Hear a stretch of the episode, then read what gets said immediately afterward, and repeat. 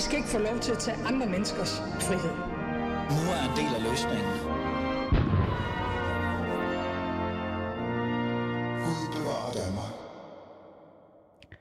Ja, Gud bevarer Danmark. Velkommen til. Du lytter til uh, Ali Minale som altid, og det er blevet tid til Alis Fæderland. Nu skal I høre, øh, vi plejer jo at starte med et emne et program, men vi kan ikke et eller andet sted slippe den, kære lytter. Vi bliver nødt til på en eller anden måde lige at holde fast i, hvad er det egentlig, der sker i Dansk Folkeparti. Det gør vi jo, fordi vi netop her i Fæderlandet værner lidt, lidt om øh, selve vores lille andedam, men vi er også meget interesseret i, øh, hvad er det egentlig, der sker på den borgerlige fløj. Det er jo et holdningsbordet program med en vært, som er en lille smule borgerlig, så hvorfor ikke holde fast i, i det her? Jeg vil rigtig gerne starte med at have Liselotte Blikst i, øh, i mit program lige nu. Øh, hun er tidligere Dansk Folkeparti-medlem, men øh, hun øh, tager desværre ikke lige øh, telefonen. Vi har ellers en aftale med, at hun skulle være med her nu, så vi bliver ved med at prøve at ringe hende op, øh, kære lytter. Men det kan være, at vi måske skulle på en eller anden måde øh, gå videre til vores næste opkald i virkeligheden, Jose Uds øh, regien. Der er en anden person, som også er ekstremt vigtig her i, i det her øh, forhold til, sådan, hvad er det egentlig, der sker i, i Dansk Folkeparti. Og den person, tænker jeg, øh, vi måske eventuelt skulle prøve at komme i kontakt med derude. Men altså, lad mig lige give jer en, en opremsning på, hvad der er, der sker. Dansk Folkeparti øh, er, vil nogen jo mene, er nærmest ved at bryde sammen i et kollaps. Fire tidligere folketings, eller fire folketingsmedlemmer, tidligere DF'er nu, har jo forladt partiet, og endnu en kom så efterfølgende, da, da de kom ud. Det var så, vi er oppe på fem nu. Så et eller andet sted, øh, hvad det er egentlig, der skal ske nu, hvor står Morten Messerschmidt, som er jo valgt af hvad kan vi sige, øh, medlemmerne. Øh, hvad vil han gøre fremadrettet? Hvordan vil han sådan holde fast i, at Dansk Folkeparti ikke bare bliver ved med at, sådan at hvad kan vi sige, gå lidt tilbage? Det bliver vi nødt til at prøve en eller anden måde at lige at få lidt fokus på. De sidste døgn har de her fire øh, medlemmer, tidligere medlemmer, en af dem var Lise Lotte Blikst, jo reelt set øh, på en eller anden måde øh, kommet med en meget, meget skarp kritik omkring nogle af, af øh, Dansk Folkepartis hovedbestyrelsesmedlemmer, men også andre, der er medlemmer af Dansk Folkeparti's Ungdom osv. osv. Det lyder lidt som om, at der har været øh, dårligt arbejdsmiljø. Det lyder som om, der har været en masse, hvad kan vi sige, øh, øh, sådan noget øh, drama nærmest på en måde. Men der har også været øh, nogle beskyldninger. Og en af dem, som er blevet beskyldt for øh, en masse forskellige ting, han er faktisk med her nu. Så det er jo altid skønt, at vi kan have ham med. Anders Vistesen, er du med? Ja, det er Tak fordi du tager telefonen i hvert fald, når jeg ringer til dig. Øh, det er jo altid skønt. Øh, Anders, øh, nu skal du høre her. Du er jo, øh, hvis man skal sætte lidt ord på dig, du er tidligere medlem af Europaparlamentet for Dansk Folkeparti. Du er stadig medlem af Dansk Folkeparti, sidst jeg tjekkede. Er du ikke det? Jo, jeg har ikke, jeg har ikke meldt mig ud lige det sidste døgns tid her. Det har du ikke? Okay, fantastisk. Øhm, og så er du også øh, hovedbestyrelsesmedlem. Øh, øh, er det også rigtigt forstået? Ja, det er jo blevet her efter, at øh, Martin Henriksen øh, valgte at udtræde Dansk Folkeparti, og, øh, og Jens Vorne blev gjort til partisekretær. Øh, jeg var anden supplant til hovedbestyrelsen. Ja, godt. Så har vi sådan lidt på plads, hvem du er i virkeligheden. Man kan jo godt sige, at du har en, øh, en fin og fornem rolle i Dansk Folkeparti, og du har også fået en lille bomb op øh, i bund og grund. Øhm, til vores lyttere, fæderlandslytterne, så de er sådan helt skarpe på det. Anders Vistesen, støtter du, og støttede du egentlig den øh, nuværende øh, medlemsvalgte øh, formand, øh, Morten Messerschmidt? Ja, altså jeg øh, anbefalede, at man stemte på Morten, og med den konstellation, han havde lavet med, med Peter Kofod øh, for at få ny partiet. Okay. Øhm, der har jo været nogle beskyldninger mod dig og nogle andre øh, de sidste 24 timer. Det er kommet øh, i hvert fald øh, primært af, øh, af de her øh, fire øh, tidligere medlemmer af Dansk Folkeparti, folketingsmedlemmer. En af dem er Liselotte Blikst, øh, som ikke øh, lige desværre tog sin telefon nu, da vi ringede til hende. Der er også nogle andre. Øh, Lise Bæk har også været ude og sige et par ting. Øhm, hvis vi lige øh, skal forholde os til det, øh, i virkeligheden. Først og fremmest så er jeg lidt nysgerrig. Anders, hvordan er det at blive beskyldt for øh, øh en masse ting, øh, som reelt set handler om, at folk øh, nærmest er gået ned med stress? Ja, det er, det er svært at forholde sig til, øh, til for mig for at forholde mig til de ting, der, der sådan er blevet øh, bragt frem i pressen. Alt den stund, at det, det er lidt svært for mig at genkende dem. Øh, nu er jeg jo ikke en person, der har talt øh, ret mange gange med hverken Liselotte eller Lise Bæk, så jeg ved jo godt, jeg har det indtryk fra. Men, øh, men jeg har da kun, øh, kun fornemme, at de har meget stærke holdninger om min person, øh, og, og det, det har de jo så udtrykt offentligt. Hmm. En af de ting, øh, Anders Vistesen, som der er blevet kommet, altså der er i hvert fald blevet, øh, du har fået den her beskyldning i hvert fald, eller er blevet, du er blevet beskyldt for, eller andre er blevet beskyldt for, det er, om du for eksempel nogensinde har lægget oplysninger for interne møder af Dansk Folkeparti til pressen. Hvad har du at sige til sådan noget der? Jamen, jeg kan jo forstå, at de oplysninger, jeg skulle have lækket, mestendels kommer fra møder, jeg slet ikke deltager i. Altså møder i folketingsgruppen, hvor jeg aldrig har siddet. Møder i gruppebestyrelsen, hvor jeg aldrig har siddet. Øhm, så, så det vil være lidt underligt, hvis det er mig, der skulle øh, lægge for eksempel øh, de folketingsgruppemøder, der er nu. De bliver jo lækket nærmest til Ekstrabladet og BT, før de er afsluttet. Hmm. Jeg ved ikke helt, hvordan jeg fysisk skulle kunne gøre det. Mm. Så, så jeg synes, det, det, virker, det virker lidt konspiratorisk øh, på mig, at, at, øh, at jeg skulle være hovedansvarlig på det. Men, men, øh, men hvor de har det fra, det, øh, det, det skal jeg jo ikke kunne sige. Altså, kan du afvise, at du på noget tidspunkt har lækket oplysninger fra interne møder til pressen? Ja, altså jeg går ikke og lægger oplysninger fra interne møder. Jeg har jo heller ikke deltaget i nogen interne møder. Jeg blev stemt ud af hovedbestyrelsen her ved sidste års møde. Mm. Så, så hele den her meget betændte periode, der har været fra sidste års møde frem til nu, øh, der har jeg jo sådan set kun været menigt medlem af partiet. Så jeg ved ikke helt, hvad det er for nogle ting, jeg skulle kunne have lægget, selv hvis jeg, øh, jeg skulle have haft den lyst. Det har jeg nu ikke haft, men, øh, Mm. men det virker mig, mig lidt overraskende. Det virker nu egentlig mest som om, at man har skulle finde begrundelse for at forlade partiet. Mm. Det har jo været offentligt fremme, at de her øh, mennesker har, har fiflet med de tanker om at forlade partiet i flere måneder. Så, Mm. så øh, Det, Ja. Du siger jo, du sætter lidt ord på det her med, at det er et betændt øh, miljø, der nærmest er, ikke? Øh, de- de her fire øh, tidligere medlemmer af Dansk Folkeparti, øh, hvor Liselotte Blækst og Lise Bæk, som jeg interviewede i går øh, i Alice Fæderland, øh, øh, taler jo meget om, at det er et dårligt arbejdsmiljø. Det er et betændt øh, miljø. Øh, jeg bliver sådan lidt nysgerrig i forhold til især med Liselotte Blix, som sagde nogle af de her ting i vores øh, morgenprogram, og øh, rapporterne. Øh, det der med, øh, altså, det her med ligning og oplysning og sådan noget. Hvorfor skulle Liselotte Blix øh, stille sig op i fuld offentlighed og anklage dig og fremtidige medlemmer af DF for at lægge informationer. Altså, hvad er det egentlig, der er i det her? Jamen altså, der har jo været en... Altså, Lise, Lotte Blikst har jo modsat jeg været en del af partiets ledelse under alle de her fire valglederlag. Altså, hun har jo siddet både i hovedbestyrelsen og i partiets øhm, øh, magtfulde gruppebestyrelse. Og der har jo været en tendens til blandt de folk, der sad der og, øh, og, og frelægge sig en stor del af ansvaret for, øhm, for, for, hvordan det er gået i Dansk Folkeparti. Det har altid været alle mulige andres skyld. Og der har det måske været nemmere at give sådan en som mig, der jo sådan set er ude af politik, skylden for rigtig mange ting, end det var at tage, tage, tage ejerskab for, at man selv var en central del af ledelsen i hele perioden. Hmm. Det er i hvert fald den oplevelse, jeg har haft, og jeg har jo længe har kunnet konstatere, at, at folk omkring den, den daværende ledelse øh, gik og sagde, både i baglandet og til journalister, at, at alle dårligdomme helt tilbage til mordet finder blade, det var noget, jeg stod for. Ja. Det er jo bare lidt vanskeligt, når, man, øh, når den højeste tillidspost, øh, jeg har haft de sidste halve år i det her parti, har været, at jeg har måttet hænge nogle valgplakater op til kommunal region, regionalvalget for nogle af vores dygtige kandidater i Midt- og Vestjylland. Øh, Hvis man sådan virkelig tror, at det er mig, der har kunnet orkestrere hele partiets øh, gøren og laden i, i den periode, så tror jeg, man ser spøgelser. Mm. Du griner lidt, når du øh, skal øh, svare på mit spørgsmål og forholde dig til det her. Er det hele sådan lidt trakomisk i virkeligheden, eller hvad, hvad, hvad er det, du tænker? Altså for mig er det lidt tragikomisk, at, at altså det, det, når man selv sidder med, med nøglerne øh, og, og ansvaret, og Liselotte, hun har jo insisteret på at blive siddende i gruppebestyrelsen, også under den nye formand, indtil hun gik. Hun har jo endda øh, krævet af den nye formand, at han skulle skifte valgkreds, for at hun kunne blive genvalgt. Øh, men når, når man har siddet øh, og været så tæt en del af magten, så virker det en lille smule for mig underligt, at, at man giver ansvaret for alle de dårligdomme, man så åbenbart synes, der er i Dansk Folkeparti på en mand, der, der, der ikke har haft anden position end at være menigt medlem af partiet. Mm. Altså, hvor tror man virkelig, at alle landets journalister øh, har mig på speed dial, øh, lige fra Monsen og Christiansen og ned efter? Altså, det er jo ikke tilfældet. Det er meget sjældent, at øh, journalister finder mig interessant. Øh, Bare lige så vi kan være skarpe her. Altså, kan du afvise, at du har holdt øje med bestemte medlemmer af Folketingsgruppen på vegne af den nuværende ledelse? For det er jo en af de der ting, øh, der kører lige nu. Kan du Jamen, afvise det? Jeg har ikke engang, jeg har ikke engang adgang til Christiansborg. Altså, hvi- hvis jeg skal ind på Christiansborg, så skal jeg have en aftale igennem et metaldetektortjek. Altså, øhm, Mm. mm. jeg har ikke mere adgang til Christiansborg, end herre og fru Jensen øh, vil have det, hvis de skulle øh, på besøg derinde. Mm. Øhm, så, så hvordan jeg skulle kunne have gjort det, Mm det, det må altså fremstå lidt hen i de uvisse. Mm. En af de andre ting, der også er blevet kastet op i luften øh, Anders Vistesen, det er det her med, at der er DFU-ungdomsmedlemmer, øh, der går rundt og holder for øje med folk og, og irettesætter folk og sådan nogle ting. Og, øh, og man kan jo, øh, nogen vil jo så mene, at det er via dem, du måske har fået information og oplysninger omkring. Øh, det- det hele, det virker øh, meget sådan, som du selv sagde, konspiratorisk. Øh, lad os bare være ærlige her, hånden på hjertet. Er det her bare øh, noget, som du overhovedet ikke kan genkende?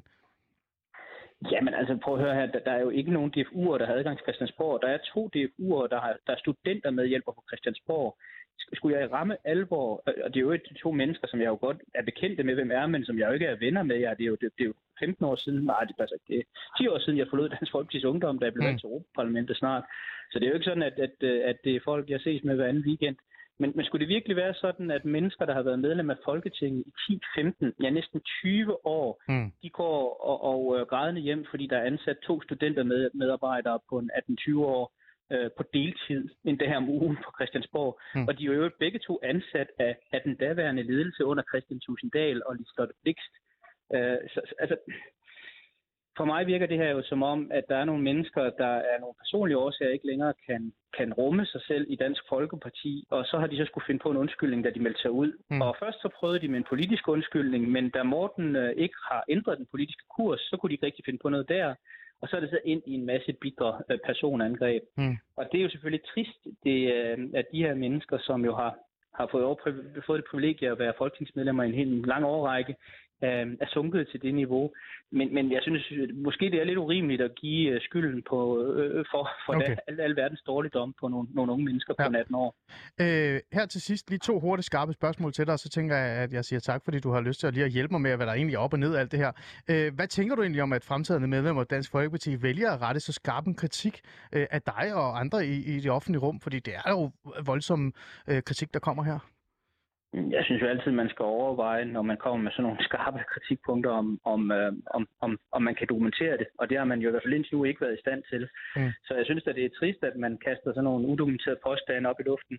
Men det er nok ret normalt, når man forlader et parti, at man har nogle, nogle bitre ting, man vil ud med. Og øh, ja, så må dem med de brede skuldre jo bære det. Kan man være lidt øh, fræk og stille dig det her spørgsmål? Det tror jeg bare, jeg gør, fordi sådan er det. Du er mit fædreland. Jeg bestemmer, hvad der skal ske her. Anders Vistesen, er du glad for, at de har forladt?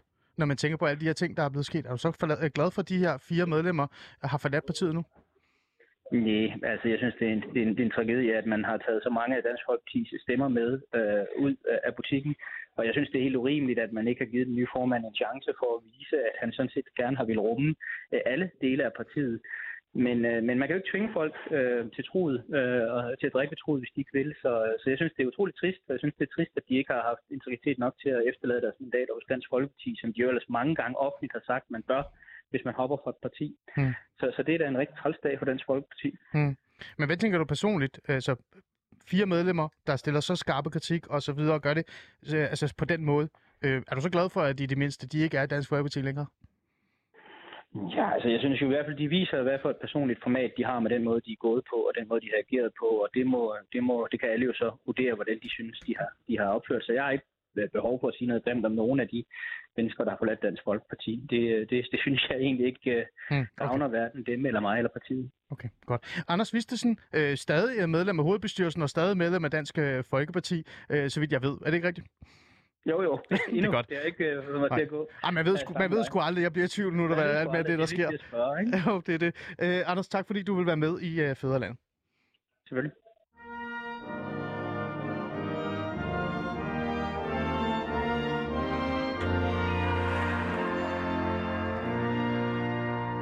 Kære lytter, det er stadig Alice Faderland, og det er stadig tid til at, at forholde os til nogle meget vigtige emner. Men som jeg sagde før, vi bliver sgu nødt til lige at se, hvad hulen er det, der sker i Dansk Folkeparti. Det gjorde vi i går, og det gjorde vi også i dag med Anders Vistesen, som er medlem af hovedbestyrelsen for Dansk Folkeparti. Nu er det gjort. Nu går vi videre til vores øh, emne, som er det vigtigste emne i virkeligheden, som jeg også øh, på en eller anden måde har øh, råbt og skrevet om i meget lang tid. Kvindedrab. Altså her i landet, øh, eller i fædrelandet, der har vi sådan på en eller anden måde besluttet os for, at det gider vi reelt set ikke at finde os i. Men det handler jo ikke kun om kvindedrab. Det handler jo om, hvad kan vi gøre på, og for at stoppe det? Altså, at det ender så galt. Så derfor så er mit øh, spørgsmål jo meget simpelt og enkelt. Jeg vil jo gerne vide, øh, hvad man skal gøre. Hvad skal vi egentlig gøre for at stoppe det før tid? Hvad skal vi gøre for at stoppe, der kommer det her fremadrettet? Og hvor står partierne henne? En af de ting, jeg synes, der er meget interessant, det er, hvor står Venstre egentlig i det her? Altså, hvor er det, det her store, tidligere store parti, tidligere lidt frækt sagt øh, over for min øh, nuværende gæst, der sidder over for mig, men hvor står Venstre egentlig henne i det her? Er de med på, at der er et kæmpe problem her? Er de med på, at vi skal have fokus øh, på det her øh, område, for eksempel via en handleplan? Marlene Armbo Rasmussen, velkommen til. Mange tak. Du er socialordfører. Øh, nyudnævnt? Ah, der, det- Relativt. Relativt nyudnævnt Ja. socialordfører. Den, det påstår jeg stadigvæk, jeg er. Jeg har jo teknisk set bare et spørgsmål til dig, så kan vi bare slukke vores program nu, ikke? Det er sådan, øh, men, men lad os bare Jeg øh, håber, tage den. jeg svarer det rigtigt. Ja, det er. Øh, Hvad vil Venstre egentlig gøre? Altså, er I overhovedet interesseret i det her? Lad os tage nummer to. Lad os starte med det. Er, er I overhovedet interesseret i det her emne kvindedrab? Ja, hvis jeg skal svare helt kort, ja. Øh, og det er også derfor, at jeg kommer ind forbi i dag, fordi egentlig specifikt kvindedrab ligger jo ikke ind under mit øh, ordførerområde. Øh, men, men i virkeligheden, så har I jo også fra mediernes side, så deltid fra din side, af, har jo netop været med til at sætte fokus på det her som jo i den grad har vækket os. Og det var også derfor, at jeg egentlig skrev ind på din Twitter-side, da du lagde ud i sin tid, at hallo, Venstre har faktisk også en holdning til det her, og selvfølgelig bakker vi op om, at der skal ske noget, fordi tallene på både vold mod kvinder og drab mod kvinder, de taler jo desværre deres eget tydelige sprog, øh, og det skal vi selvfølgelig handle på. Og man så vil kalde det en handleplan, en strategi, whatsoever, det vil jeg slet ikke øh, bruge tid på at arbejde på, hvad det skal hedde. Mm. For mig er det egentlig afgørende, at sige, så dels som social- og familieoverfører. Jeg har jo heldigvis også et par andre kasketter øh, at kunne bringe spil på det her, fordi det også ja. mange gange er familierne, at man egentlig ser, når vi netop taler partnerdrab i hvert fald specifikt, kan man ikke undgå at sige, at det, det sker ved familierne, og mm. der er også mange forbehold og mange ting omkring det, som, som også er vigtige. Der er mange skyggesider omkring det med at gå ind og blande sig i familieforetagene, og, og det er jo ikke ret lang tid siden egentlig, at vi gik fra at sige øh, drab i en familie, altså kvindedrab, som langt de største dele er i en familie, øh, gå fra at kalde en familietragedie til faktisk at kalde det, det er et drab. Mm. Øhm, så, så heldigvis har I jo fra mediernes siden af været med til at rykke på det her også. Øh, og det er også derfor, at jeg også selv bragte mig at spille og sagde, hallo, jeg har faktisk også en holdning til det her. For Venstre er det faktisk ret vigtigt at sige, at vi borgerlige partier i den grad også er med på den her. Jamen, jeg er jo også rigtig glad for, at du lige giver mig lidt ros. Tak for det. Det, kan, det vil godt lide. Vi kan godt lide for ros i Fæderland, især for borgerlige partier. Det er, sådan, det er noget, vi værdsætter her. Jeg vidste, det var det første, jeg skulle huske at gøre. ja, det er det. Men, men altså, det er jo et helt seriøst alvorligt øh, problem. Og jeg, jeg, jeg, må ærligt sige, at ja, det er rigtigt. Nogen har haft fokus på det her emne. Men jeg er faktisk op, jeg er oprigtigt øh, lidt skuffet. Altså, jeg er lidt skuffet mm. over, at et eller andet øh, fæderlandsagtigt øh, program øh, på, på, på det nye 24-7, øh, som har nogle helt andre øh, områder og emner, som øh, man bund og grund sådan brænder for, øh, skal lige pludselig sige, okay, det her, det her, det er skørt, at man, ikke, at man ikke taler mere om det. Men det gjorde jeg. Jeg satte det op, og vi kom mm. i gang med den her offentlige debat, og der er flere og flere øh, medier og flere journalister, der rigtig forholder sig til det. Jeg er jo rigtig glad for, at du siger det her med, at Venstre har en holdning til det her. Jeg ved jo godt, Malene Ambo Rasmussen, at du har en holdning til det her. Nu har fulgt det længe, det ved jeg jo godt. Men I har også været stille. Mm. Og, det, og det er jo mit første spørgsmål til dig i virkeligheden, fordi I har været stille, Venstre, omkring det her. De borgerlige i Danmark har været ekstremt stille omkring det her. Kan du fortælle mig, hvorfor at det her er noget, du brænder for, men alligevel ikke noget, der sådan et eller andet sted er en dagsordningsseng for jer? Jamen i virkeligheden, så viser jeg jo faktisk ved at træde op i dag, at det er noget, der betyder rigtig meget for mig, fordi som sagt, det ligger ikke engang under mit ordførerskab. Altså kvindedrab, det ligger under vores retsordfører. Mm. Og alligevel fik jeg lov til at tage afsted i dag, fordi jeg sagde, at jeg simpelthen har et behov for at få lov til at råbe op omkring det her, fordi det er hammer vigtigt, og jeg kan jo se det over mit eget område, hvor vi for fanden skal være bedre til at forebygge, at det overhovedet sker. Mm. Så ja, vi har bestemt også, men eller andet sted kunne jeg også bare sidde og fyre en masse, en lang palette af ting, vi gerne vil gøre. Uh, ja, det, det må du gerne bagefter. Ja. Jamen, jeg, vil gerne, jeg vil gerne vide, hvad det er, men jeg, jeg er bare lidt nysgerrig omkring øh, selve øh, det her med, ja, det er rigtigt, du, du er faktisk i studiet, du har prioriteret at være i vores program og, og mange andre ting, og det er jeg rigtig, mm. rigtig glad for. Mm. Men jeg har bare nysgerrig omkring Gruppe det her med... Venstre, men det må vi ikke sige højt nogen steder. Ja, faktisk. det er ikke blevet sagt. øh, men det, det, er, det er bare meget interessant, øh, det her, fordi at, da jeg begyndte at sætte fokus på, på det her øh, omkring kvindedrab, det gjorde jeg jo fordi, øh, kære lytter, jeg tager lige med, det, skal, det gør jo fordi, at jeg på en eller anden måde lagde mærke til, at der kom rigtig mange drab lige efter hinanden. Altså på meget, meget kort tid. Mm. Og, og før jeg overhovedet nåede at blinke med øjnene, så var jeg oppe på fire drab. Det var før det her år. Ikke? Vi er teknisk set næsten op på syv, hvis man tager et andet drab med, som skete noget tid før. Men sagen har været trukket så langt ud, så der kom en afgørelse. Øh, det var, jeg tror, det var i december. Det var en sag i Randers omkring æresrelaterede øh, konflikter, som er endelig et drab i virkeligheden. Ikke? Mm. Øhm, det var der, hvor jeg begyndte at tænke, det her, det her, det her det er skørt. Hvorfor er der ikke nogen, der skriver om det her? Øh, det tog mig fem sekunder, så havde jeg venstrefløjen i mit studie. Mm. Men det borgerlige Danmark var meget stille. Mm. Jeg var i kontakt med Britt Bager fra, hvad hedder det, fra Venstre, ikke Venstre, det var tidligere Venstre, mm. fra Konservativ, øh, men hun var sådan cirka den eneste, der rigtig havde lyst til at sige noget. Ikke? Og så lagde jeg mærke til, at mens højrefløjen, eller ikke venstrefløjen hedder det, kørte en dagsorden på det, virkelig begyndte at sætte øh, følelser øh, på plads og så videre ting, og skrive om det og sådan noget, så var det meget stille for den borgerlige fløj. Hvorfor tror du det? Er der, mm. noget, er der noget værdimæssigt i øh, og et eller andet sted at være påpasselig med at deltage i den her samtale?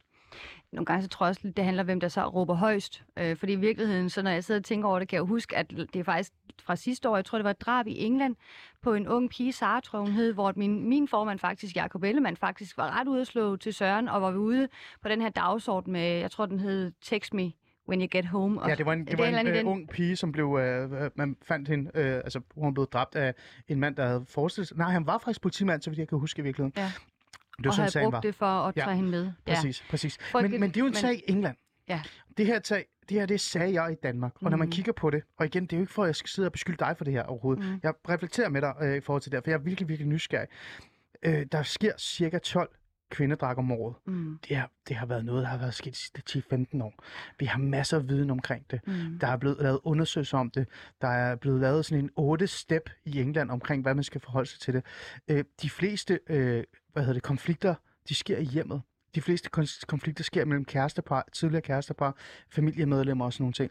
Det er meget få tilfælde, hvor der er reelt set, og heldigvis for det, at det ender i drab, når det er nogen, man ikke kender. Altså det der klassiske, øh, eller ikke Mm. klassiske, men det vi har, vi har meget fokus på, det der med, at der sker noget, når nogen går hjem og sådan nogle ting. Det er ikke for at negligere det, det er også et problem. Ikke? Mm. Men, men Bestemt. det her, det er noget, vi kender til. Men alligevel så har det borgerlige Danmark aldrig rigtig haft lyst til at deltage i det. Lad mig være lidt mere skarp så. Handler det om køn? Er det fordi, det er kvinder, det går ud over? Ja, det er jo netop der, hvor jeg synes, det bliver en lille smule hyggeligt, når vi netop snakker blå og kontra røde øh, partier, fordi for mig er det her ikke en kvindekamp for kvindekampens skyld. For mig handler det her om, at man har et problem, hvor det bare viser sig, at det er kvinderne, der er overrepræsenteret på den forkerte side. Hvis det er og, og det viser tallene jo med al tydelighed, at der er flere kvinder, der bliver udsat for vold i hjemmet. Der er flere kvinder, der bliver dræbt af deres partner og ekspartner. Mm. Så er det det, vi handler på. Og det er i virkeligheden der, hvor jeg synes, det bliver en lille smule hyggelig. Og nu kan jeg ikke sidde og debattere, fordi der ikke er nogen andre. Men Nej, jeg vil bare sige, at det er parado- det paradoxale er jo netop, at når vi har siddet og kigget, nu kigger jeg også på mit eget socialområde, og kan sige, at en til en, så har vi jo haft en diskussion i Folketingssalen omkring ligestilling på kvindekrisecenter kontra mandekrisecenter. Ja. Et soleklart eksempel på, hvor det så var mændene, der stod på den forkerte side af rimelighedens grænser. Mm.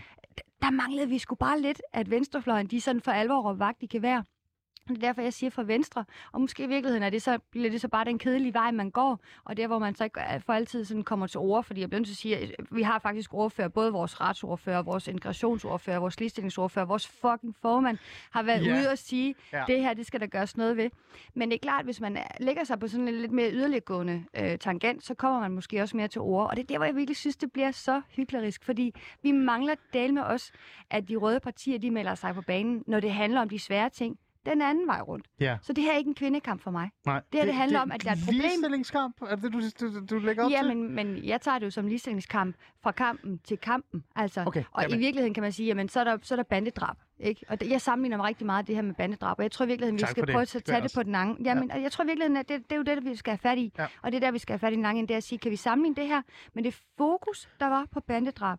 Man lavede en bandestrategi, man lavede bandeenheder, og vi, nu kommer jeg fra Odense med Voldsmose, hvor vi i særdeleshed har set det og har kunne bruge det. Øhm, og bare det at sige, kan man lægge det over en til en? Og så er det i virkeligheden ikke så meget ligestilling, så er det ikke virkelig ikke så meget, det handler om kvindekamp. Så handler det om, her er et problem, vi kan se, at tallene de taler deres tydelige sprog. Vi ved, det er noget, vi skal gøre noget ved. Vi ved, vi har har været historisk dårlige til at gøre noget ved det. Ja. Så lad os da gøre noget ved det, og lad os da bruge de ting, vi ved fra tidligere, for eksempel med, med bandestrategi. Ja, altså det giver god mening for mig. Det er bare fordi, jeg prøver sådan også at komme lidt ind til den der, øh, det der dilemma, der er, når vi så taler om kvindedrab, eller det her med kriminalitet mod kvinder. Lad os lige huske på også, øh, kære lyttere, øh, øh, for eksempel øh, den her øh, lov omkring psykisk vold, det var jo faktisk også, øh, det var jo en borgerlig øh, med øh, justitsminister, der fik det igennem, det var Søren Pape Poulsen for det konservative mm. Folkeparti. Så det er jo ikke fordi, jeg står her og siger, at det borgerlige er fuldkommen ligeglade med, med det her. Men jeg har bare lagt mærke til, at når man så taler om det her, og det bliver lidt kønnet, fordi måske er der en grund til, at det skal være kønnet, så bliver det sådan en, hvad med mændene? Mm. Og det er jo lidt det, du laver en lille smule her, men du synes, det giver mening, fordi at det er vigtigt at, at huske balancen, eller hvad? Ja, jamen det er det jo, fordi at så er det, jo netop andre problemer, hvor vi ser, at mænd er stærkt overrepræsenteret. Altså nu har jeg selv både en dreng og en pige, en søn og en datter. Øh, og jeg vil bare sige, for mit, for mit synspunkt af, der har jeg simpelthen et behov for at sige, at som mor, som politiker, som kvinde, der vil jeg tale med ikke sætte mig på den ene eller på den andens kamp. For mig der handler det om at sige, jamen er der et sted, hvor, hvor min søn er overrepræsenteret, er der et sted, hvor min kvinde eller min datter er overrepræsenteret, jamen så tager man det synspunkt fra kamp til kamp, fra gang til gang. Og det er jo i virkeligheden der, hvor det nogle gange bliver sådan lidt kønnet fra, fra nogle af de røde partier Ja. hvor man ja. i virkeligheden ikke sådan rigtig laver balancen. Ja. Øh, og her, der handler det bare om, lad os, lad os sige det som det er. Tallene viser deres tydelige sprog. Det er kvinderne, der står på den forkerte side. Det er kvinderne, vi har et behov for at have en ekstra beskyttelse overfor på det her sager. Så det er det, vi skal gøre. I virkeligheden er det også mændene, fordi at der er også, nu har jeg også hørt dine programmer, og der har også været eksempler på mænd, som har udøvet vold og faktisk har opsøgt og få hjælp Ja. til det. Ja. Så man kan igen sige, lad os nu tage ligestillingskampen, som den er, i stedet Ja. for bare per automatik at råbe, jeg er kvinde, jeg er udsat.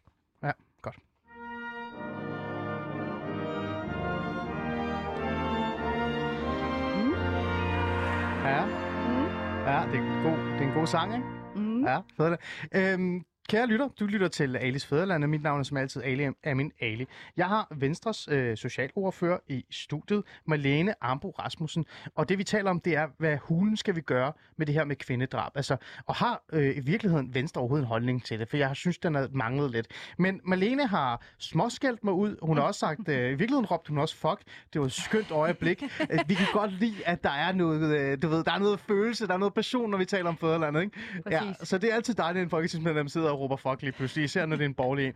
Øh, men, men det, vi har taget afsat i, det vi har startet med, og det er den her øh, frustration, men det her også undren, jeg har i forhold til, hvorfor det er så svært for det borgerlige øh, Danmark at deltage i det. Jeg synes, Marlene, du har faktisk sat nogle fine ord på det. Det er fordi, at det her er, at det er et kønnet problem, men det bliver bare mere samtale omkring køn, end det bliver omkring, hvad problemstillingen reelt er. Præcis. Og det du også prøver at sige, tror jeg, og I ret mig gerne, det er, at hvis man så på en eller anden måde øh, har fokus på det her område, og man gør det rigtigt, så kan man hjælpe begge køn. Mm. Fordi det er to parter. Altså, der er to parter i det her, øh, i virkeligheden. Øhm, det, du nævnte her øh, øh, i virkeligheden, det, det satte nogle refleksioner i hovedet på mig også i gang, så det er rigtig, rigtig godt. Men det er også vigtigt, at vi får lyttere med. Mm. For vi to, vi blev meget passionerede, vi gik hoppet direkte i gang, vi glemte næsten vores lytter, men det gør vi jo ikke, det gør vi aldrig. Kære Fæderlandslytter, som altid, øh, for det første, tak fordi I allerede har sendt sms'er ind, og også skrevet nogle kommentarer, men I kan blive ved og gøre det endelig. Skriv en sms til 92 45 99 45, 92 45 99 45, eller gå ind på vores Facebook-side, Alice Fæderland, skriv din mening derinde. Du kan faktisk også ringe ind. Det skal du da ikke uh, slippe for. Altså, det må du da gerne gøre, hvis du har lyst. Så hvis du lige pludselig har lyst til at ringe ind til mig, så kan du faktisk ringe til mig nu på 47 92 47 92 47 92 47 92. Og så kommer du ind i programmet, hvis du har noget fornuftigt at sige. Og det har du selvfølgelig. Du er jo fæderlandslytter. Så det er, det er på plads. Og så også noget med noget app. Det finder vi ud af senere. Marlene, øhm, så fik vi det sådan et eller andet sted uh, talt igennem, ikke? Mm. Jeg føler mig sådan, nu er jeg, sådan, jeg, jeg er glad igen, ikke? For jeg har virkelig siddet der med sådan en form for skuffelse i forhold til, hvad, hvad sker der med det borgerlige Danmark? Der sidder en passioneret uh, folketingsmedlem her foran mig og klar. Det, som uh, Alice Fæderland har gjort, uh, det, måske ikke kun os, men ved du hvad, vi kan godt lide os selv. Så vi siger, det er det, vi har gjort. De har, vi jo på en eller anden måde skubbet lidt øh, Radikal Venstre, øh, SF og, og Ø, enhedslisten, til at gå sammen om at komme med et forslag omkring en handleplan. Lad os, lad os starte med det så nu, i forhold til, hvad vi så reelt kan gøre, og hvad du synes om det. Hvad tænker du om den her handleplansidé, der er kommet for de tre partier? Jamen, nu spurgte du jo faktisk tidligere om, hvorfor Venstre ikke havde været på banen og har op lidt mere vagt i gevær og havde udtalt sig. Og vi har faktisk været ude og sige, at vi bakker op omkring en handleplan. Øh, og det gør vi, fordi, at, som jeg egentlig sagde i starten af programmet, for os er det fuldstændig ligegyldigt, hvad vi kalder den. Øh, og i virkeligheden er min frygt netop ved at kalde en handleplan, at det så bliver en sovepude, ligesom man ja, har set på alle andre det, områder. Det, ja, det er det, jeg præcis. virkelig ikke kan lide. Ja. Lige præcis. Det kan jeg også godt frygte. Men jeg kan love dig for, at jeg også kommer til at lægge mig i selen for, at det bliver det ikke. Mm. Øhm, og jeg, nu er der så mange ting, som de, de sådan lidt, regeringen lidt skubber foran sig af projekter, men lad nu det ligge.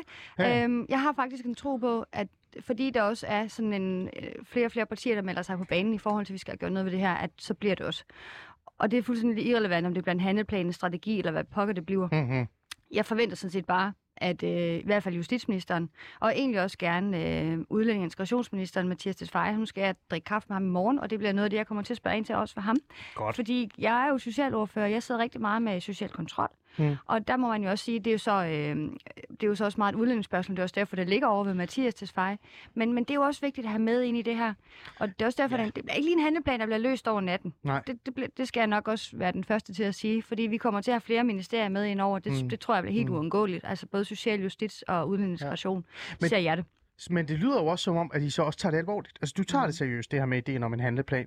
Og, og du tager det så langt ud, at du reelt siger, at hvis vi skal have en handleplan, så skal vi tænke øh, altså på tværs. Mm. Fordi der netop er brug for det her øh, tværs af forskellige ministerier. Der er brug for Præcis. noget for sundhed, social, øh, beskæftigelse osv. osv. osv. i virkeligheden. Og så også noget jura i bund og grund. Ikke? Øhm, det er jo interessant, det du siger omkring social kontrol også. Det er jo også en af de ting, der er. Fordi når man kigger på de øh, forskellige drab, der er blevet begået, øh, så øh, de sidste par, øh, hvad kan vi sige, par måneder, der har nogle af dem jo været æresrelateret. Nu er jeg lidt fræk, fordi at der er jo ikke nogen, der er blevet øh, dømt noget, i noget endnu. Der er ikke nogen konklusioner endnu, men der kan godt være noget æresrelateret øh, på spil her i virkeligheden. Øhm, det her med social kontrol, der, der, der, nogle gange så glemmer man jo det her med, hvad egentlig re- reelt social kontrol er, og hvad kan det udmåne sig af. Jeg har lagt mærke til, at det Venstre lægger allermest vægt på i forhold til at hvad kan jeg sige, bekæmpe social kontrol, det er at få folk på arbejdsmarkedet. Men hvis du øh, har det her æresproblematik øh, problematik derhjemme, så er det sgu ligegyldigt, om du har et arbejde eller ej. Tror du, I kommer til at have det med ind i, i hvert fald i dit mindset, når du mødes med Mathias Tesfaye i morgen, øh, omkring det her med, ja ja, det er ikke kun arbejdsmarkedet. Der er altså noget mere på spil. Der er noget kontrol derhjemme. Der er nogle øh, grænser, der er nogle roller, der gør, at, at nogle kvinder sidder faktisk fast øh, derhjemme og mm. øh, også oplever vold, og de tør ikke gå ud og sige det nogen steder. Mm. Ja, jeg er faktisk lidt ked af, at du siger, at, at du mener, at Venstre har mest et fokus på det gennem beskæftigelse, fordi som socialordfører har jeg netop lagt meget vægt på at sige, at lige nøjagtigt, når vi taler social kontrol, så er det altså ikke beskæftigelse, der er vores hovedtele. Det, det er det simpelthen ikke. Mm. Det er rigtig vigtigt, og det er det på alle parametre, og det er det lige meget, om vi snakker mennesker med handicap, eller om vi snakker integrationsudfordringer, så er det altid vigtigt at få folk ud i beskæftigelse. Det kan jeg roligt sige som socialordfører. Ja. Men lige nøjagtigt her, der har jeg faktisk helt tilbage fra et år siden slået på tromme for, og nu kan man så sige, at nu har de nedsat en kommission, som så skal være en syltekrukke til at lave noget på noget social kontrol, hvilket er helt til grin. Jeg ved, hvad jeg tænker om det. Nej, det er Ej. fuldstændig... Ja. Den, kan, den tager vi i et andet program. Ja, det gør vi. Men ja. bare for at sige, at det er også noget af det, jeg kommer til at punke Mathias Tesfaye øh, på øh, i morgen til ja. vores kaffemøde, fordi jeg synes, det er helt vildt, at man laver det her kommissionsarbejde, syltekrukke, et eller andet, mm. når vi netop har, jeg tror tilbage i 2016, kom der en kæmpe evaluering på netop det her område, hvor man ligesom var inde og kigge på, jamen, ja. hvad har man gjort, hvad virker, hvad virker ikke, hvad skal vi gøre? Ja. Og vi har masser af organisationer nu, har du også haft nogle af dem forbi, altså blandt andet Blok og Dan og Leven ja. Vold, der, som vi også har. masser af viden, det er klar til at give, som kan selv være løsninger. Ikke? På. Ja. Og noget af det, som jeg har sagt som socialoverfører, det er faktisk, at jeg Udover beskæftigelse, så vil jeg faktisk meget hellere kigge på, hvordan pokker får vi de her kvinder væk fra de her mænd. Fordi nu kan jeg jo se det fra, fra Voldsmose af, hvor jeg bare bliver nødt til at sige, de her, øh, når nu, nu kommer der integration ind over os, de her muslimske mørkemænd, som vi har i Voldsmose, som er fuldstændig ude for pædagogisk rækkevidde, det kommer vi aldrig nogensinde til at nå. Nej. Altså den del af dem, der er helt derude at vende, der bliver vi bare nødt til at sige, der handler det for mig om, at vi får kvinde langt, langt væk. Mm. Og det er noget af det, jeg allerhelst vil arbejde med, når vi snakker social ja. kontrol. Du er jo også socialordfører. Du er jo socialordfører. Mm. Og nu siger du, at du skal mødes med Mathias Tesfaye i morgen. Ikke? Øhm, hvis vi kigger på for eksempel, du nævnte LOK også her. Vi kvinder, altså kvindecentrene, kvindekrisecentrene mm. yes. hedder det så. Hvis man kigger på dem, så er en stor procent af, af dem, som er på kvindekrisecentrene, det er jo faktisk kvinder med ikke-vestlig baggrund. Ja. Og de er der for en grund. De er der ikke, fordi de øh, ikke måtte date en eller anden Thomas. De er der, fordi det er gået fuldstændig galt. De flygter fra vold, de flygter fra alt muligt forskellige ting. De flygter nærmest for deres liv nogle gange. Mm. Øhm, det er jo også reelt set et problem. Både det er et problem i forhold til, at der er en stor procentdel minoritetsetniske der, men at der også er, altså det er jo presset område. Mm. Hvad, har du, hvad har du omkring det? Tænker du, det er også noget, man skal have fokus på i planen? Altså, vi står med et område, som er presset, fordi der er mange mm. kvinder, der søger om hjælp. Mm. Ja, ja, og kvindekrigscenter siger jo netop, at der er ikke, faktisk ikke pladser nok. Øhm, og lige præcis det der, det er noget af det, som jeg synes er hammer, hammer vigtigt, når vi snakker social kontrol. Og i virkeligheden også, fordi en ting det er, at jeg vil også gerne have, at vi, øh, vi finder en løsning til, hvor vi finder flere øh, pladser på de her kvindekrigscenter. Men jeg vil også gerne have, at vi finder en løsning til, fordi løsningen er jo netop ikke at have de her kvinder på noget krigscenter i nogle måneder, og så skal de tilbage til manden. Løsningen er faktisk at finde ud af, skal de overhovedet på kvindekrigscenter i første omgang, eller skal de måske bare en meget kort tur ind forbi, for vi finder ud af, nu var jeg lige at bruge handlingsplan, men det skal vi måske passe på med, men bare for at sige, ja. har vi nu en eller anden fast strategi, hvor vi har nogle enheder, og vi har faktisk meget fokus på det i Odense af gode grunde. Vi har Voldsmose. Vi har jo sat nogle folk af, som arbejder meget fast med kun det her område. Mm. Øh, og det kan man ikke gøre i alle kommuner, det er med på. Nej. Men så må man trække på nogle af de større kommuner, og der bliver man simpelthen nødt til at sige, hvis man laver det fra landspolitisk side af... Man kan da godt gøre det sådan, øh, på, altså på en måde, så man nærmest skal copy-paste ud i de forskellige kommuner, med en form for ledelse oppefra. Altså en form for yes. tilsyn, der kan holde øje med det. Altså, en af de ting, jeg synes, der er, der er irriterende ved alt det her, øh, nu, kommer vi, nu begynder vi at tale meget om social kontrol, og der er mm. faktisk, øh, sjovt nok, der er en lytter, der har skrevet til os, mens de hører programmet, hvorfor vil politikere ikke gøre noget ved social kontrol? Jeg tænker, det har vi lige snakket om. Det, ja. Du vil jo gerne gøre noget ved social kontrol. Jeg vil kontrol. meget, meget gerne ja. gøre noget ved social kontrol, og jeg har også masser af forslag til det, og ja. har også pippet om det i medierne. Ja. Men, men det, der er interessant, det er det her med, nu kommer den her idé om en handleplan fra mm. de her tre partier. Det er noget, I støtter. Jeg jo, øh, den her handleplansidé kan jo ende med, at det bliver sådan noget lidt løst altså sådan øh, her, det og sådan nogle ting. Er det vigtigste ikke, Malene Ambo, at når vi så reelt set tager noget seriøst som det her, som er enormt vigtigt, som reelt set er et kæmpe problem, og det handler også om det her med, at jeg siger kvindedrab, men det starter et andet sted. Øh, altså vold i hjemmet, vold i nære relationer, husbetakler, som mm. vi kalder det, og sådan nogle ting. Altså, er det ikke vigtigt, at vi så siger, at hvis vi skal lave en handleplan, så skal der også være noget økonomi bag det. Der skal være nogle penge, der skal være nogle der skal være noget penge øh, på spil og med i den her plan, så vi reelt set kan sige, at det kan være, at vi skal lave, øh, øh, ligesom du sagde det der med, vi, vi har hvad, sådan nogle, hvad hedder det, nogle grupper, eller hvad, altså nogle særlige øh, indsatsgrupper, eller Mm. nogen, der har en, en, en, en ekstra viden, man kan sådan sætte ind i en kommune og lære myndigheder osv. Sådan noget. Mm. Øh, den her, det her beløb, det her økonomi og sådan noget, er det ikke det vigtigste? Jo, og det er i virkeligheden også noget, det jeg gerne vil spørge ind til. Jeg tænker, det bliver justitsministeren, når vi skal mødes med, når vi skal have sat det her i værk sådan for alvor. Det er netop spørge ind til, hvad koster det her egentlig? Fordi nu kan jeg også Ja, høre, at de her ikke? organisationer, de har jo egentlig også sagt, at det koster jo de videre øjnene i forhold til de, de, de voldshandlinger og drab og hvad der ellers foregår. Og i virkeligheden kan vi også bare kigge på børn med mistrivsel. Øh, skilsmissebørn, hvad der følger med i det her forløb. Vi kan også se, at der er en overrepræsentation i, i vold øhm, Ja. og partner, eller ikke partnerdrab, fordi det er skilsmissebørn, så det er de ikke partner længere, men ekspartnerdrab. Er Så rigtigt, der er et ja. kæmpe problem i forhold til det her, og det, det ligger også inden for mit ja. område på socialområdet. Ja. Så det er bare for at sige, at der er virkelig meget at tage fat på her, og der er også rigtig meget, hvor man kan forebygge. Og Mm. i virkeligheden, derfor på den lange bane, just spare de her penge. Og hvis jeg lige må sige en sidste ting Ja, ja, i lige nøjagtigt skilsmissebørn. Fordi at familieretshuset, hvor vi sidder med, med skilsmissefamilier, Ja. der er vi altså oppe at bruge over 600 millioner Ja. i et overslagsårene. Og- og det jo- Så vi bruger altså ret mange penge på det her. Måske vi skulle finde ud af, hvordan søren bruger vi så de her penge bedre fremadrettet. Ja, og det er jo faktisk det, jeg vil spørge dig om. Øh, Mm. Fordi økonomi er jo vigtigt, det her. Fordi hvis det her skal lykkes, Mm. hvis vi reelt set skal have en indsats over for det her, over for kvindedrag, over for øh, hvad hedder det, vold i, i, i hjemmet osv., mm. så, skal det, så skal vi lave nogle indsatser, hvor der er penge i det, så det ikke bliver lukket ned efter en måned, eller to, eller tre, eller to, eller tre Ja, så år. Ikke sådan noget projekt, være halløj, ikke? Ja, præcis. Øh, familieretshuset. Jeg har lagt mærke til, når jeg tager den her samtale, den her debat omkring, øh, hvad hedder det, vold i hjem og vold mod kvinder, så er der mange, der siger, hvad med kvinde, familieretshuset?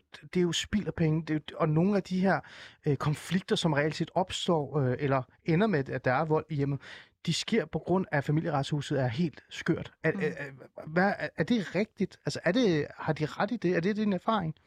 Altså nogle af de ting, som jeg som Venstres ordfører har sagt meget klart på det her område, det er, intentionerne omkring familieretshuset var rigtig, rigtig gode. Nu skal jeg forsøge at gøre det kort, fordi ellers så tænker jeg alligevel, at vi ikke har tid nok tilbage. Ja, det- men, men, men intentionen, og intentionen med, med familieretshuset var faktisk rigtig, rigtig god.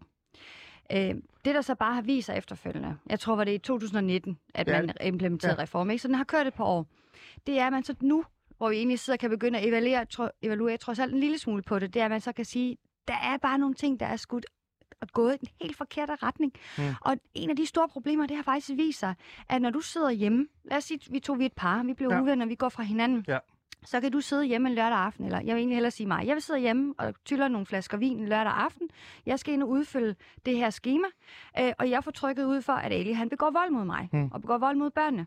Så ender jeg automatisk over i et helt andet forløb, end det var tilsigtet. Og i virkeligheden, så kommer jeg, nu kalder vi det røde sager, paragraf 7 sager hedder det ja. sådan mere retmæssigt, så kommer vi bare ud af en tangent, hvor vi sidder i et helt andet forløb.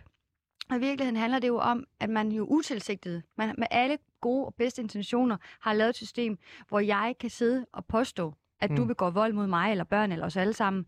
Og derved så ender du i en helt forkert kolonne, hvor du mister noget samvær med børnene. Det bliver du rasende af helt naturlige årsager. Bliver du rasende Ja. over det. Og jeg har mødt så mange af de her fædre og haft så virkelig hjerteskærende ondt over at høre deres beretninger og høre, hvad de bliver beskyldt for. Øh, og kvinder også, vil jeg bare lige sige igen. Det her, det går sgu begge veje. Ja. Det er bare vigtigt at ja. sige.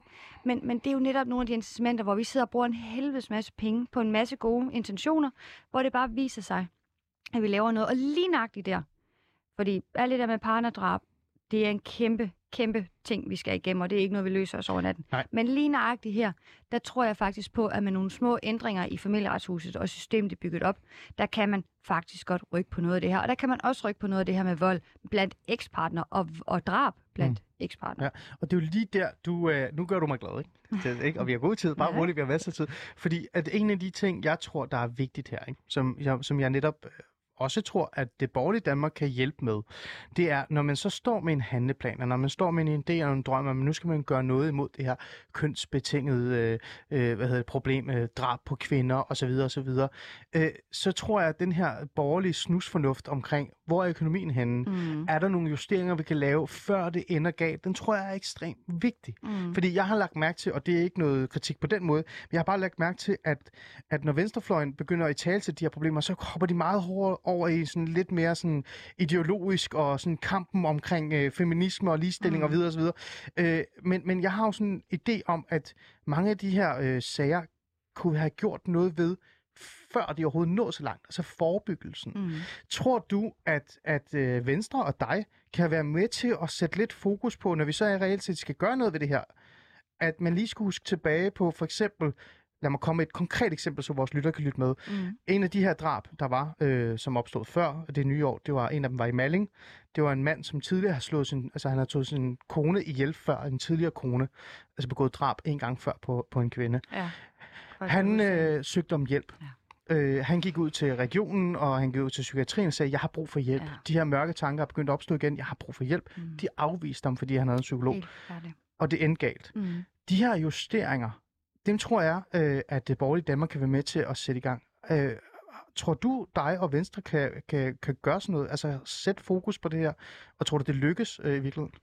Altså, det bliver vi jo nødt til. Altså, det, det bliver jo helt hyklerisk, hvis vi går i gang med en handelplan, hvor vi ikke tør at berøre de ting, som, som måske ikke er de mest populære, Gud at sige, som for eksempel, at en mand, der begår vold mod sin kone og børn, at vi også skal hjælpe ham. Hmm. Men hvis vi skal snakke forebyggelse, så bliver vi også nødt til at kigge på nogle af de her ting. Hmm. Forebyggelse er jo meget forskelligt.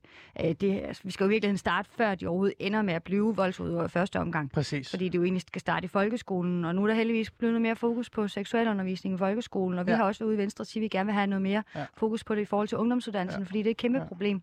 Men den er jo, den er jo farlig, ikke? Altså, den er jo svær, ikke? Fordi øh, nu modsiger jeg jo nærmest mig selv, men så ender samtalen tilbage til det der med, ja, ja, men hvad med mændene? Mm. Men den er jo vigtig. Mm. Mm. Tror du, det lykkes? Tror du, det kan lade sig gøre at sidde der øh, rundt om bordet og kigge på øh, venstrefløjen og sige, vi vil gerne være med i det her. Vi vil gerne være med til at skabe en grundig og solid handleplan, hvor økonomien er med. Det er jo netop det er derfor, vi sidder her. Mm. Men vi bliver også nødt til at have fokus på mændene, fordi ved at hjælpe mændene, hjælper vi også kvinder.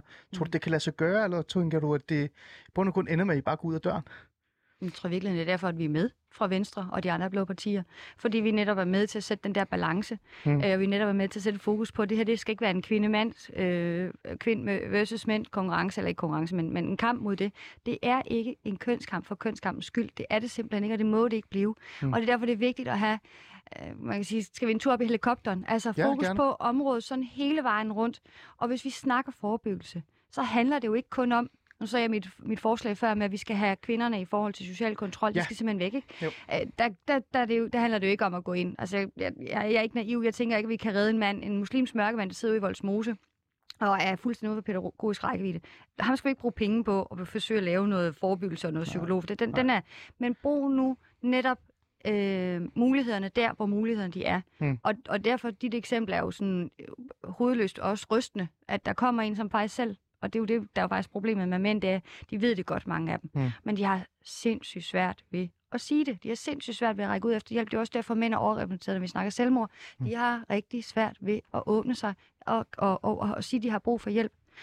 Og derfor er det jo så helt vildt, at der så er, som dit eksempel, en mand, der faktisk har gjort det, og så får en, en lukket dør i hovedet. Ja. Så, så vi bliver nødt til at kigge på det her hele vejen rundt. Altså Godt. alt lige fra mere seksuel undervisning til, at vi også taler med de mænd, der begår vold. Øh, vi også kigger på, om der er nogle... Nu har vi også været ude, jeg tror var vores formand, der var ude og snakke omkring nogle apps og nogle ting, der også skal gøre, at man kan føle sig mere tryg, når man for eksempel går hjem Ja, ja, det er rigtigt. Det er rigtigt. Så der er det mange rigtigt. ting i forhold til forebyggelse. Malene, lad mig indrømme noget, ikke? Øh, I forhold til det der med øh, det med at gå rundt, gå hjem i byen og, og, og sådan noget ting. Øh, der er også noget frustration i mig øh, omkring det. Øh, fordi jeg vil jo gerne have, at der skal være der rigtig fokus på det her område, også i forhold til den forebyggelsesdel. Ikke? Øh, Mm. og jeg er jo enig med dig, det, det skal jo være en ligestillingsting. Der, der skal jo, mændene skal jo også have den rigtige hjælp, så de reelt set kan forebygge det, øh, der kommer til at ske i virkeligheden. Også nogle kvinder øh, i virkeligheden også. Mm. Men, men jeg synes det der med, at det ender altid at blive det, det nemme og det populistiske, og det er jo det, jeg er lidt bange for. Mm. Øh, Jeg lavede jo mærke til, at da jeg begyndte at sætte fokus på kvindedrab, så havde jeg jo fokus på de her drab, der blev begået øh, i hjemmet.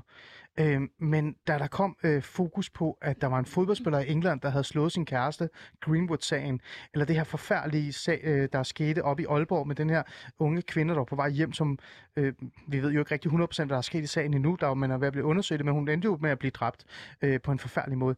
Så eksploderede det hele bare, og så var det jo de her lave øh, æbler, der blev plukket, ikke? Mhm. Øhm, kan vi gøre noget, så det ikke ender med, at det her bliver de her lave æbler, eller det her, øh, det nemme, de nemme løsninger? Altså, fordi det er jo en tung samtale at have. Det er en, det, det er en tung samtale, vi har gang i. Mm. Vi vil jo gerne forebygge, mænd slår kvinder ihjel Mm. derhjemme Mm. generelt. Mm. Øhm, øh, tror du, at vi kan holde fokuset?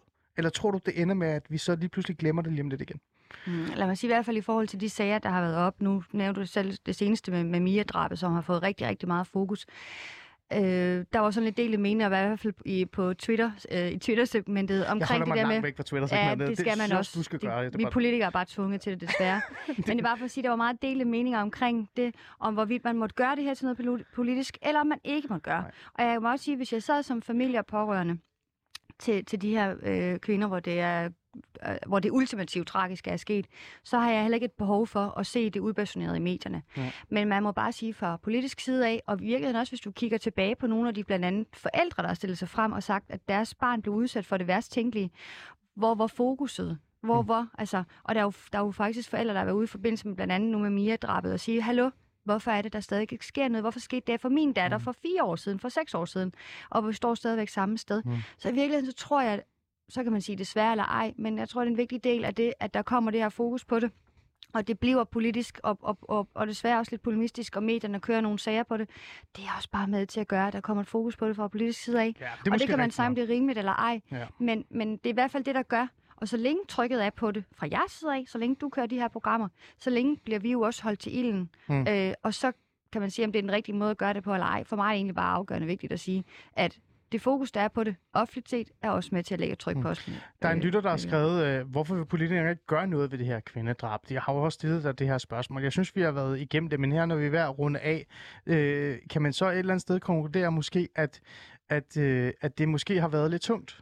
Men nu er det måske på tide at, at gøre noget ved det, for der har været så meget fokus på det. Mm. Altså, det er et tungt emne, øh, og det er måske svært at lave en indsats over for noget, som er så tvær, altså sådan Mm. tvær over minister og tvær Mm. over politiske ting. Mm. Er, det, er det dit svar til øh, lytter? Jamen, selvfø- selvfølgelig er det tungt, og det er jo også derfor, det bliver en, en light sang træk, fordi det her det bliver både noget med noget forebyggelse, nu snakker vi seksualundervisning, det bliver noget med noget mere politi i gaden, det bliver noget med, hvordan kan vi hjælpe de her unge mennesker med for eksempel nogle apps, og øh, må også sige, i mit netværk kan jeg jo se, at der er flere og flere, der samler sig på de øh, sociale medier i nogle messenger-tråde, så man skriver til hinanden, du Mm. kommet hjem, og så skal man ligesom, så Ja. melder alle ind. Ja.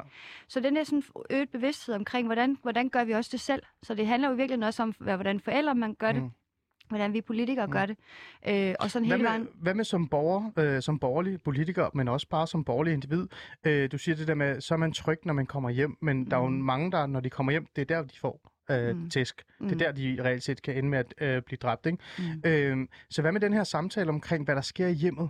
Mm. Øh, husbetakler og sådan nogle ting. Tror du ikke Mm. også, tror du det er vigtigt også, at politikere også, og debattører og sådan noget, begynder at have en samtale omkring, at det her med, det er jo ikke husbetakler, når du bliver smidt ud af en vindue. Det er jo ikke husbetakler, når du øh, bliver kvalt og får tæsk hver dag af din, af din kæreste. Det, det er et reelt set vold, det her. Præcis. Er der noget i det, det der med, i eget hjem, det skal holdes privat? Skal vi have et opgør med det, tror du? Ja, det skal vi helt bestemt, men det er befolkningsmæssigt.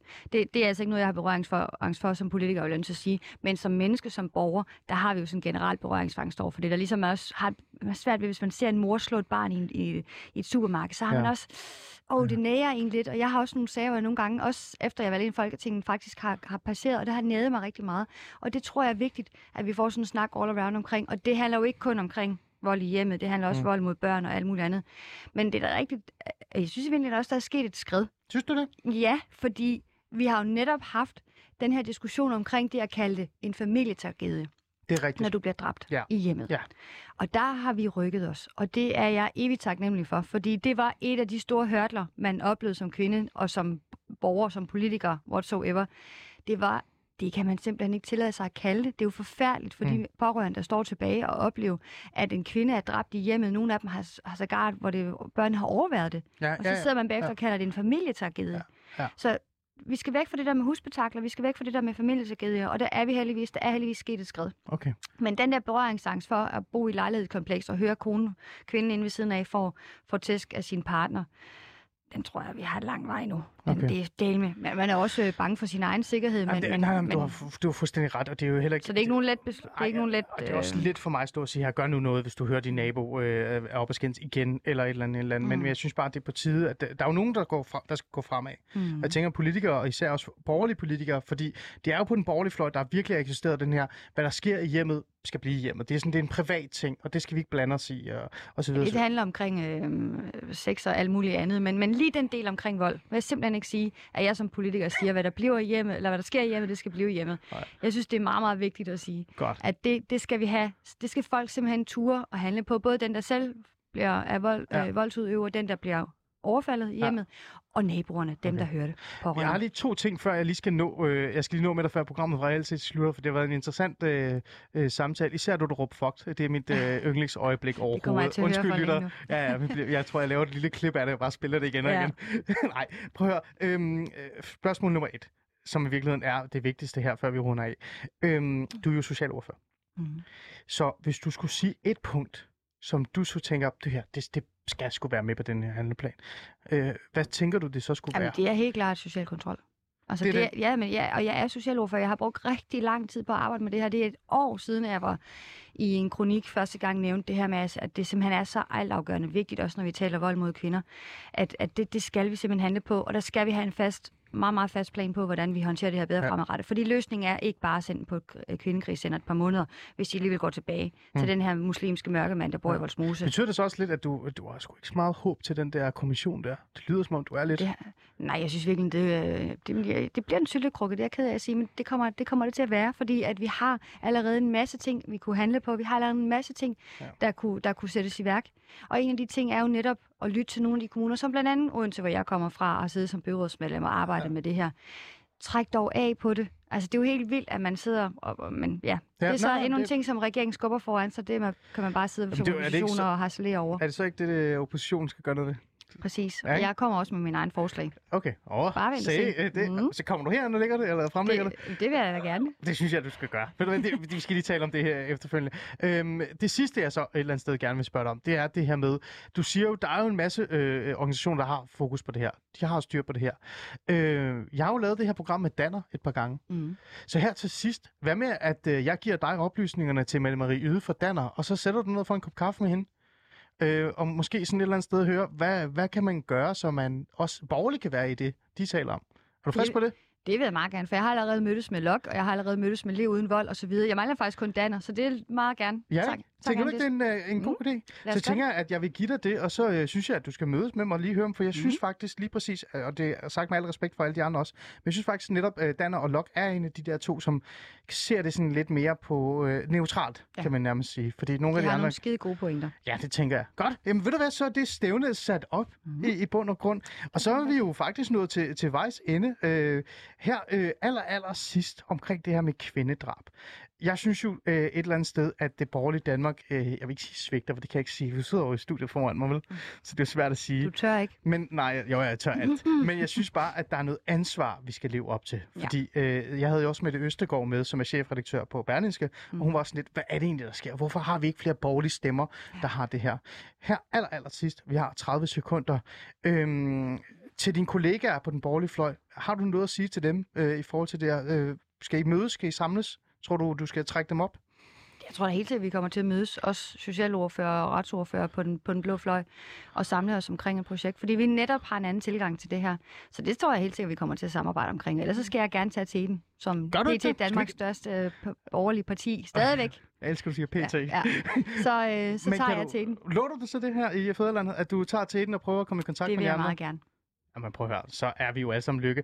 Øh, Marlene Ambo Rasmussen, øh, socialordfører for Venstre, tak fordi du kom og, og var med i dag. Øh, det var da en fin oplevelse, var det ikke det, i Det var fantastisk. Jeg kommer gerne igen. Det er godt. Vi har jo en aftale. Du sagde noget med, at der er noget, du skal fremlægge.